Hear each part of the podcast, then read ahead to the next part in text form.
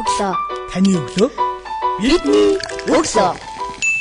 Сонсогч танд шинэ 7 өдрийн өглөөний мэндийг хүргэе. Миний өглөө сурал подкаст илж дугаараа хүргэж байна. Өнөөдрийн дугаартаа бид гендер илт сэтгүүлч инэрлэлтэй ярилцж байна. Танд шинэ 7 өдрийн өглөөний мэндийг хүргэе. Энэ хүмүүс урилга хүлээж аван ярилцахсан маш их баярлалаа. За баярлалаа. Бас миний өглөө подкастыг сонсож байгаа бас сонсогчтой энэ өдрийн мэндийг хүргэе. За таны өглөө өрхий яаж эхэлдэг вэ?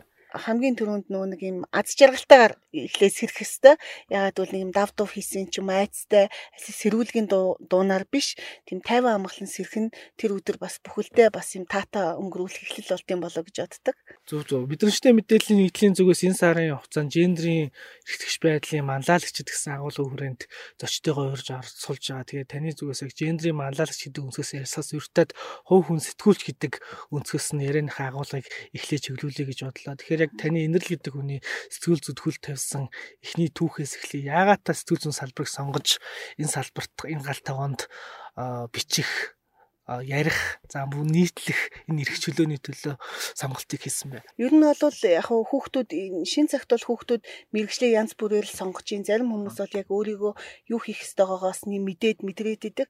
Тэгээ би бол хүүхд тахта буюу одоо 16 17 настай байхдаа ер нь бол сэтгүүлч олъё гэд хэдин шийдсэн байсан. Тэгээд сэтгүүлч олъё гэд яагаад гэвэл миний ээж бол бас одоо насаараа сэтгүүлч хийсэн Монголын радиогийн бас одоо ахмад сэтгүүлчийн нэг байсан. Тэгээд ээж минь бол надад дандаа нөгөө нэг нэвтрүүлгүүд уншиж өгдөг байсан. Тэгэнгүүт нь би а эн чинь ийм юм шүү, тийм биш гэхээр оо чи ста мэдрээд шүү, мэдээд шүү гэд нэг юм хүүхдтэй урам өгөх гэж байгаа. А нөгөө талдаа гэвэл бас яг бас нэг анзаарч хилээд идэг гэсэн юм уу. Ээжийн мэн өгсөн тэр урам намайг ингээл нэг л чадах юм шиг мэдрэмж төрүүлээ. Тэгээ ер нь бол би 10 дугаар ангид орохдоо ер нь 9 дугаар ангидаа аль хэдийн сэтгүүлч олъё л гэж шийдсэн байсан. Тэгээд э, тэр үед 10 дугаар ангид орохт минь наз болоод ардын эрх сонин тухайн үедээ одоо төрийн төв хэвлэлээсэн балдуурч хэрэглэгч тэргүүтээ маш одоо чадварлаг гайхалтай нөө багийнхан нөгөө сэтгүүлчдийг шав сургалтын аргаар сургая. Яагад гэвэл тухайн үед ч юм уу сэтгүүлч жоохон ховор байсан. Хүмүүс 2 жилд нэг удаа эсэлт авч жагаад яг намайг нэг төсөгтэй зэрэгцэх жилүүдэд жил болгон болсон.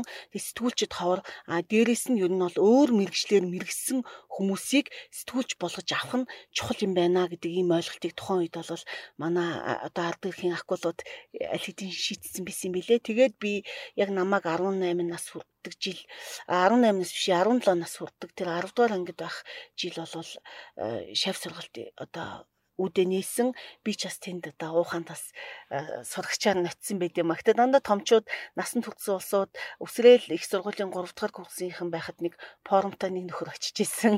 Тийм сайхан түүх байна. Тэгэхээр та өдөрт сонь тэр дундаа ардын ирэх яа харахгүй акулууд мундгүй тул загснууд дунд бол өөр ингэсэн одоо бичлэгийн онцлог арга барилыг эзэмшээд сурагчийн форумт бол очиж суралцж ирсэн гэж өсвөрийн сэтгүүлч гэж хэлж болохоор байна шүү дээ тий. Тэгэхээр яг энэ бичих арга барил зүйн хувьд өөрийнхөө сэдв үнсэг гэл их олон зүйлийг өдөртмөн сонин дээр бид нэр өглөө болгон ямар сэдв нийтийн шуурхаа дээр ярих өглөөний шуурхаа дээр ярих үгээ сэдв бодож өглөө эхлүүлээ. Таны хувьд ингээд өдөртмөн сонин ажиллаад гараагаа эхлүүлээд явж байхад голчлон ямар сэдвийг барьж авч өөрөөрөө хамгийн их бахархаж исэн нийтлэлийнхаа одоо хадаас материалуудыг анхны дурсамжаас хаваасаа шигвэл ямар нийтлэл төр одоо тод үлдсэн мэн эргээд бодоход. Аа тий ер нь бол би яг анх бол одоо олон улсын улс төр олон улсын мэдээний албанаас гараах хэлжсэн олон улсын мэдээнд одоо анх мэдээ орчуулдаг байлаа оюутан байхад аа тэгээд сургуулаа төгсөж ирээд нийгэм соёлын алба буюу загдын түмэн жаргал одоо ахыхаа албанд ирсэн. Тэгээ тэнд бол бид нар ингээд яг би спортчдаг байлаа. Тий спортчдаг байлаа. Ингээд ер нь бол тухайн үед хамгийн анх нэг сэтгүүлч болоод нэг юм үүргээ билүүлсэн юм шиг нэг мэдрэмжийг бол би Мөсийн нэг оюутан охин 3 ихэр хүүхд төрүүлээ. Тэгээ нэг хүүхд нь одоо сүүгүү байгаа тухай нэг тийм жижигхэн юм бичээд тэгсэн чи тэрний дараа нөгөө хүүхдийн маань сүүний асуудал те жилээр шийдэгдээд нэг ийм тухайн үед надад нэг юм сэтгүүлч болсных гоё чадсан юм шиг мэдрэмж анх төрж ирснийг санаж байна. А бас игэлжирийн нэг дуурийн театрын одоо нот бичдэг. Тухайн үед одоо ноты чинь програм юм уу юмар бичихгүй гараараа бичдэг, нот бичдэг настай хүн. Аа тэр хүн бол ингээд хиймэл нөө зүрхэндээ юм төмөр аппараттай тэгээ нөө хугацаатай байдаг. Аппаратных нь хугацаа дуусгаа. Тэгээд одоо нот бичдэг имээд зүрх хайрлаач гэсэн агуулгатай бас юм бичээд яг тэнд бол одоо бас манай урлаг соёлынхан зөвхөн тэр имээд нөгөө нэг зориулж одоо зүрхний аппаратын яг юм нэвтрүүлэг хийгээд ингээд тэн тэр хүний нөгөө мянган долларын зүрхний аппаратын асуудал шийдэгдэжсэн. Тэр болгон маань надад ингээд нэг тийм аз жаргалтайгаар сэтгүүлчийн ажил бол ингээд юм хүргээд идэм байх, хүн туслаад идэм байх, өөрчлөлтийг авчираад идэм байх гэсэн мэдрэмжүүдийг өгчээсэн. За тэгвэл яг хөө би нэлээд олон жил нь буюу ихэнх жилүүдэд нь бол яг улс төрийн чиглэлээр парламентын сэтгүүлчээсэн үргэлжлээд өдрийн сонирхох улс төрийн албаны дараагаар бүр 10 гаруй жил ажилласан. Тэгэхээр яг нөө нийгэмд болж байгаа болохгүй байгаа тэр зүйлийг манай өдрийн сонин бол яг тухайн цаг үедээ бол бас томоохон сүр хүчний байр суурийг илэрхийлж маш хүчтэй ажилдаг байсан өдрийн сонины улс төрийн албаны одоо албаны эхний хийсэн тэ нэг хаалттай хуралдааны нээлттэй сурчлага бол маргааш нь одоо тэ бүлгийн протокол Португал задлаа гэдэгт хүртэл одоо яригдах асуудал болдог байсан тийм. Тиймэрхүү бид нар бол ингээд нийгмийн сайн сайхны төлөө хит нэг нам дамгаалсан нэг одоо үндэсний өдөрдөгч хүртэл одоо нэртэй болж исэн тэр цаг үед хүртэл манай сонин бол маш хүчтэй дуурж байсан. Тэгээ би чинь нөгөө ард ирхийн шав сургалтаасаа үргэлжлүүлж яг ард ирэх сонины мань үргэлжлүүлээд өдрийн сонины эхний дугаараас эхэлж ажиллаад 18 9 жил одоо ажилласан байдаг. Өдөр тутмын сонины галт. Өдөр тутмын сонины галт. Одоо тогтмол хэлбэл сонь сэтгүүл Лиз радио гэл хэлмдэлэн бүхий салбарт ажиллаж байгаа сэтгүүлчдэг ажиллаад байхад радиод ажиллах сэтгүүлчийн нэг арга барил ондоо өдөртмөн сонных ондоо тэр дундаа ард дээр хөдрөн сонин өнөөдөр сонин 100-ны мэдээгээд яг өдөртмөн томоохон сониуд өөр ингэсэн школтой байдаг. Одоо тогтсон одоо телевизийн мэдээний алтныхан хүртэл өөрөөр MM нэг өөр байдаг тий. 25 168 цаг мэдээллийн хөтөлбөр өөр байгаад идэг. Гэх мэтчлэн. Тэгэхээр яг тухайн галтгаа ондороо сэтгүүлч өөрөө нэг чанагдаад за би нэг энийг зах зах сэтгүүл зүйн нэг дөртөө болоо гардаг. Тэгэхээр та яг энэ 19 жил бараг 20 жил тогтмол хэвлэлд ажиллахад өртмийн сонины салбарт ажиллахад яг инэрл гэдэг хүнийг э, ямар өнцгөр өөрчилсөн гэж та боддог вэ? Таны ажил мэргэжил. Ер нь бол э, манай хэвлэлийн салбарт ажиллаж байгаа бүхэл хүмүүс өөрсдөө нийгмийн сайн сайхны төлөө одоо хүчин зүтгэж байгаа гэдэгт тийм чин одоо нот бат үнэмшлэр явдаг. Заримдаа одоо тэнд шүмжлүүлж байгаа те өнөөдөр гэсэн манай хэвлэл мэдээллийн салбарт гарч байгаа үйл явдлууд бол одоо ингээл аль нэгэн одоо хүмүүс гомдогч байна те аль нэгэн хүний эрх шиг хүндэгдсэн байна. Гэтэ тэр эрх шигээс илүү олон нийтийн эрх шиг гэдэг маань хамгаас чухал байдаг учраас одоо тийм л ихтгэл үнэмшлэр бол дандаа юмд хандаж ирсэн. А гэтэ заримдаа бол ингээд юу ч өөрчлөөгүй байгаа юм шиг бас мэдрэмж олон жилийн дараа ч юм уу ингээд ажилласны дараа төрөхөд бас хэцүү байдаг. Тийм үед бол яана би одоо өөрийнхөө ажлыг те өдөр тутмынхаа ажлыг олон нийтийн сайн сайхны төлөө нийтийн сайн сайхны төлөө дуугаа өргөж байгаа одоо үгээ хэлж байгаа гэж бодсон. Юу ч өөрчлөөгүй юм шүү гэж бодохоос маш хэцүү. Надад бас тийм үе гарч ирсэн. Та өдөр тутмын сониноос телевизийн сэтгүүл зөрөө бас хөл тавьсан тийм өсгөөчүүдийн цагийн нэвтрүүлэг хөтлөөд олон ч эмэгтэйчүүдийн хандлтыг авч их тийм бас брэнд нэвтрүүлэг болж гарч ирсэн шүү дээ. Тэгээд телевиз рүү ороход өдөртмөн санаас одоо мэдээж бичдэг сэтгүүлч лекцэн юм гарч ярихад бол нэлээд л хүндрэлтэй байсан болоо. Айцаа хэрхэн яг авч ирсэн. Ямар хамгийн түрүүнд мэдрэгдсэн өөр төрлийн мэдрэмж нь юу байсан? Тий, ер нь бол ихтэй яг хизээч нөгөө нэг суурин өдөр тутмын сонирх тавьсан хизээч телевизэн болж чадахгүй юм бэлээ л дээ. Гэтэ яг би чинь бас ингээд 4 5 5 жил 5 6 жил бас э, бас телевизийн э, одоо салбарт баг сар гадарлаж ойлгож эхэлсэн. Тэгээ ер нь бол яг телевиз бол одоо хархуун урлаг, телевиз бол одоо үцхэн урлаг. Тэгэхээр бол нөгөө бидний нөгөө нүдээр харагддггүй, чих авинд сонсогддггүй зүйлийг нөгөө нэг зөвхөн цаасан дээр буулгаж бичдгээс бол тис өөр. Тэгэхээр би бол үүнийг бол тис өөр нэг салбар мэт боловч тисөөр гэдгийг асар сайн ойлгосон.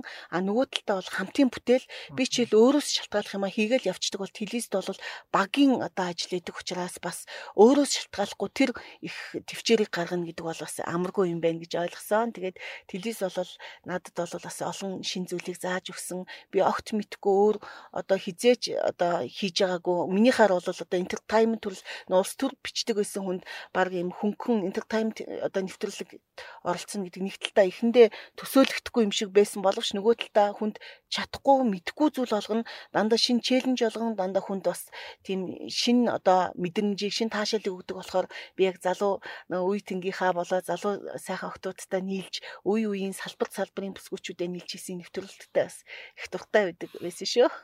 За одоо яриагаа яг одоо хийж байгаа ажил руу чиглүүлээ. Хилмэдлийн салбарт би таны нэг иргэний байгууллага тэр дундаа шийдвэр гаргах төвшөнд эмгтээчүүдтэй оролцож гендрийн мэдрэмж сонгогчдын боловсролыг ингээд яриад явж байхад сэтгүүлч бид нар өөрсдөө өдөр тутмын мэдээнд галтгоон чанагдаад явхад мэдээ сурвалжлагыг цаг тухайд нь үйл явдлыг дамжуулна уу гэхээс суралцаад явах боломжууд ховор байдаг.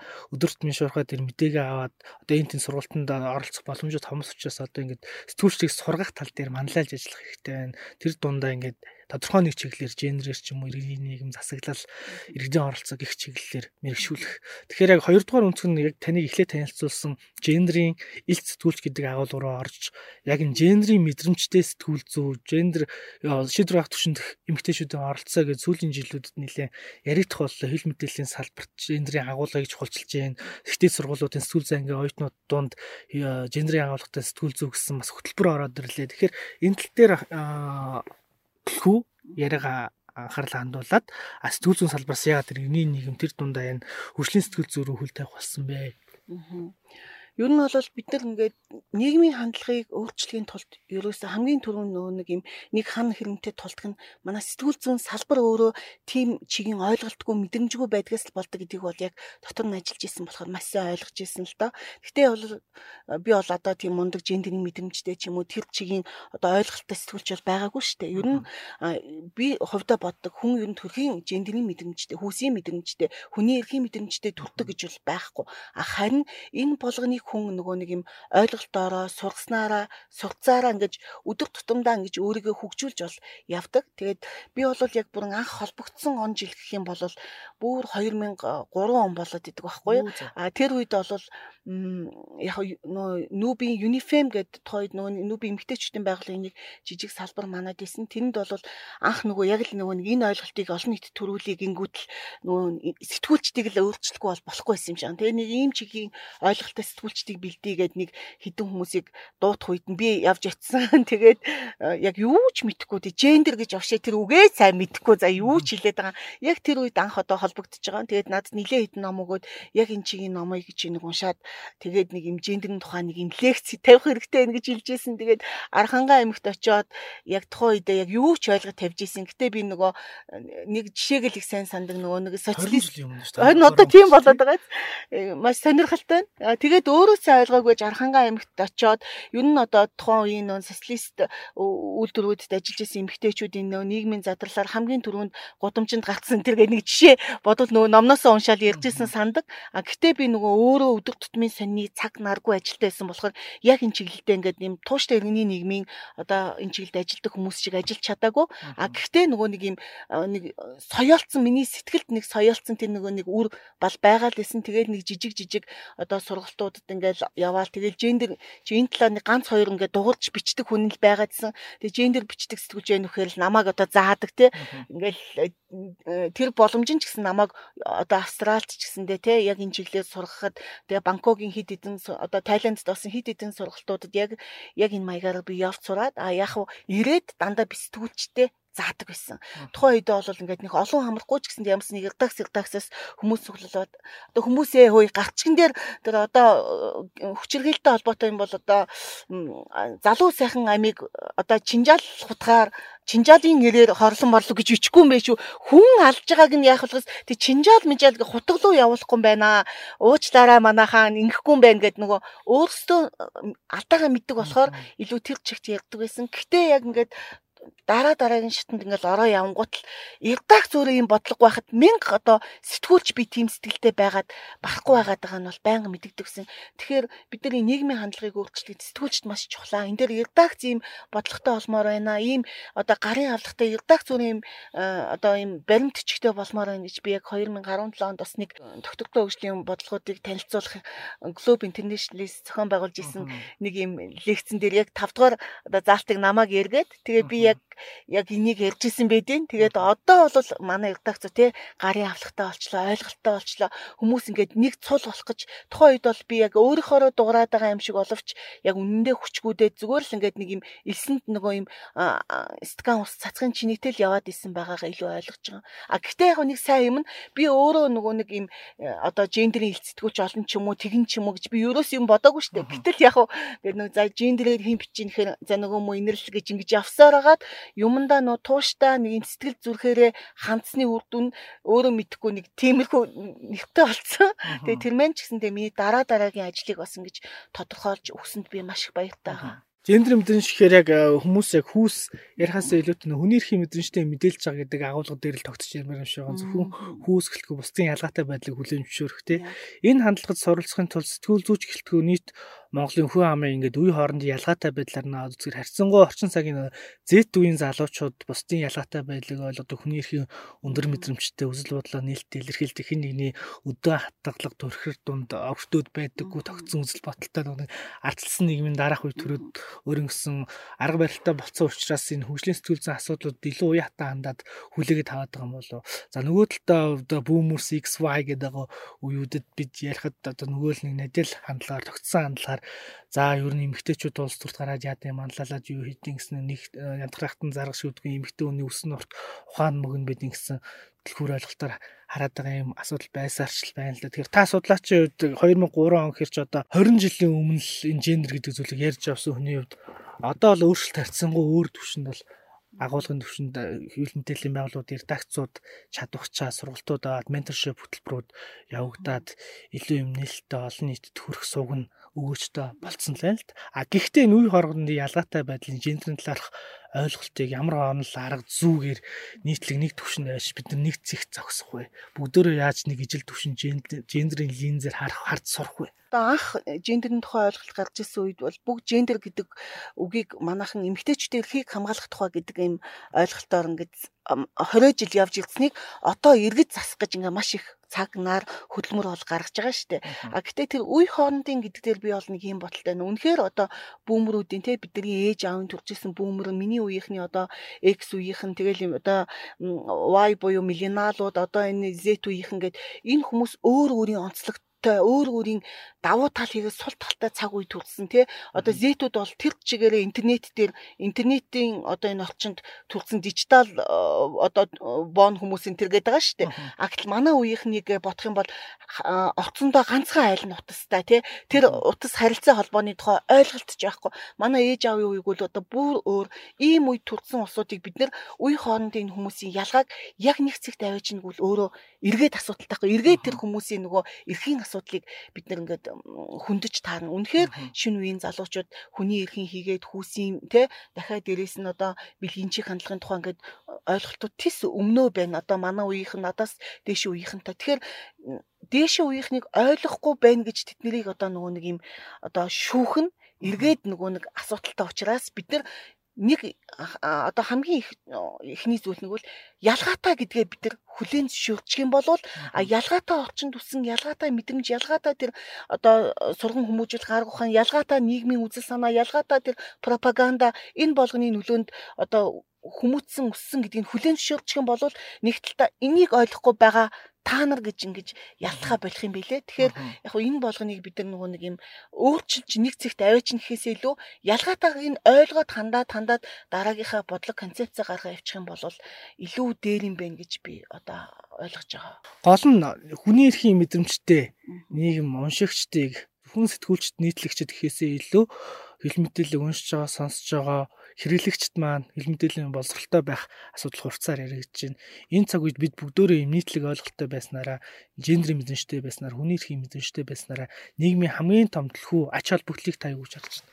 Тэг ер нь бол нэгдсэн үндэсний байгууллагаас ч гэсэндээ хэнийг ч үл орхигдуулах одоо тэр зарчмыг л ерөөсөө нэг ярддаг болсон дэлхийн улс орнууд ч гэсэн энийг хэрэгжүүлэхээр одоо хичээж байгаа. Тэгэхээр хэнийг ч үл орхигдуулна гэдэг нь өөрөө нөгөө нийгмийн хөгжлөөс хоцорж байгаа нөгөө бүлгийн эрхшгийг л хамгаалах асуудал юм. Тэгэхээр бид нар гендертэй холбогдож гэдэг маань өнөөдөр яг ингээд нөгөө нийгмийн бүлгүүдийн эрхшгийг одоо бариад хараад үзэхэд аль бүлгийнхэн илүү хохирж байгаа, аль хүүс нь илүү одоо хойно хоцроод байгаа ингээд үзэхээр эмэгтэйчүүдийн асуудал байгаа даахгүй. Тэгэхээр бид нар өнөөдөр зөвхөн эмэгтэйчүүдийн асуудал асуудлыг дээш нь тавиад эрэгтэйчүүдийн болоод бусад нийгмийн одоо хүүсүүдийн асуудлыг хойш нь тавиад байгаа зүйл биш. Яг өнөө цагт аль нь хойно хоцроод байна вэ гэхээр одоо жишээлбэл гендер эдийн засгтаа яаж уйлдах вэ гэхээр хаяа бүр огт хамаагүй юм шиг мөрлөө энгийн одоо өнөөдөр манай өвлийн цагт энэ аимшигтай нутаа энэ аимшигтай энэ одоо цагаагаар нөхцөл байдалд яадаг вэхээр хүүхдүүд ханаа төрдөг. А ханаа төрөхөөр яах вэ гэхээр мэдээж ээж нь ажилласаа чөлөө аавна. Ээж магадгүй хүүхдээ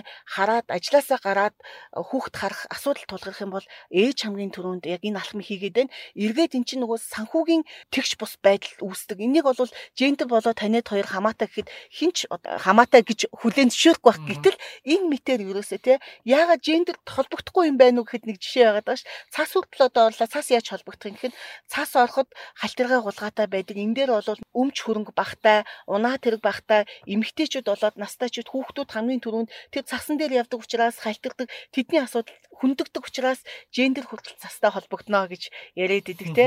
Тэгэхээр ерөөсөө бид нар бол нөгөө нийгмийн хаягдсан бүлгүүдийн асуудлыг л одоо авч үзэж байгаа нь энэ өөрөө эргэжтгч байдлыг л бий болгох. Магадгүй жишээлбэл одоо хөдөө орон нутагт ингээд хөвгүүд те одоо хичээл номоос хоцрогдоод байна. Одоо залуучуудын гэрлэлтийн асуудал, боловсрал эзэмших асуудал хоцрогдоод байна үгэл тэнд ч бас гендер явна. Тэгэхээр бид нар бол нэг үе бодвол гендер гэдэг бол зөвхөн эмэгтэйчүүдийн асуудал гэдгийг бол нөгөө нэг тэгж ойлгохо болцсон байна Энэ бол хүүсийн тэгш байдлын нийгмийн одоо хүүсийн тэгш байдлын асуудал гэдгийг ойлгодог болсон. А яагаад эмгтээчүүдийг төлхөө яриад байна гэхээр яг энэ хүмүүсийн асуудал хоцрогдсон 100 жил тэмцээ тэмцээд ерөөсөө те асуудал нь тэнцэж ирээгүй. Дахиад яг энэ явж ирсэн цаг хугацаагаараа харах юм бол дахиад монголчуудын ярддаг нэгэн 60-аас илүү хугацаа яригдчихэж нийгмийн бүлгүүдийн асуудал тэнцүү байдал нь яригдах учраас л бид нар эмгтээчүүдийг яриад байгаа. Тэрнээс биш бол одоо зөвхөн нэг феминизмын асуудал бол энд биш ээ гэдгийг бол бас зориуд хэлмээр санагддаг шүү. За маш их баярлалаа. Подкастын цаг энэ түрээд өндөрлөж байна. Подкастын төгсөлд оролцож зочин бидний сонсож байгаа сонсогчдод хандаад нийгэмд чиглэсэн эрэг өөрчлөлт хувьраалгаа төвшүүлээд яриагаа өндөрлөг. Та манай сонсогчдыг юунд уриалах вэ? Би бол монголчууд түүхэндээ гайхалтай хүчтэй байж ирсэн монголчууд дэлхийн талыг те хуурай газрыг эзэлсэн нөгөө нэг гайхалтай тийм түүхээрээ дэлхийн талыг эзэлсэн тийм эзэн Чингис хааны их монгол үеийн түүхээр бол дандаа бахархдаг. Энэ бол тэр болгон одоо түүхэн бахархалтай үндэстэн бол дэлхийн үндэстэн болгон тийм бахархалтай байж чаддгүй. А гэхдээ тухайн үеийн одоо монголчуудын хүчтэй байсны нууц нь юу байсан бэ гэвэл төрийн бодлогыг альва бодлогыг шийдвэр гаргахдаа эрэгтэй эмэгтэй хүмүүс хаан хатан хүмүүс хамтдаа сууж ярилцаад аль асуудлыг яаж шийдвэл болох вэ гэдгийг нөгөө бүх нийгмийн төлөөлөл буюу хүүсийн төлөөлөл өөрөө тэнцүү ярьж тэнцүү зөвлөдөж зөв шийдвэр гаргадаг байснараа монголчуудын их хүчтэй байсны одоо нууц шалтгаан тэр байсан гэж одоо ярих болсон. Тэгэхээр бид нар ч гэсэндээ өнөөдөр яг энэ шийдвэр гаргаж байгаа төвшөндөө үнэхээр 83% нь эрэгтэй байгаад 17% нь эмэгтэй байгаад байх юм бол энэ шийдвэр маань зөв тэ зүйтэй байж чадахгүй байгаа юм шүү. Магадгүй бид нар 30 жил яваад өнөөдрийн нийгэм маань нэг л болохгүй байна. Үнэхээр утаатай байна. Үнэхээр төгжрэлтэй нэм хотод амьдрмааргүй, нэм улсад амьдрмааргүй гэж байгаа шалтгаан нөгөө нэг хүүс нь хит хамгаалсан учраас магадгүй нөө төлөөлөл алдагдсны оролцоо алдагдсны улмаас гараад иж магадгүй ма та бас заримдаа яг энэ үнцгээс нь бодоод үзээрэй гэж хүмүүс хэлмээр санагдаг. Тэгээд энийг л одоо танай подкастын сонсогчдод дахин дахин хэлье да. За маш их баярлалаа таны сайжтай ажил өндөр өндөр амжилт хүсье. За баярлалаа. Сонсогч танд миний өглөө сурал подкаст ээлж дугаар хүрлийн өдрийн дугаартаа бид гендрийн хэлц сэтгүүлч өндөрлөлтөөр ярьслаа. 7 өдрийн даваа гаргийн цаг мөчтөр ирг устлаа. Түр баяртай.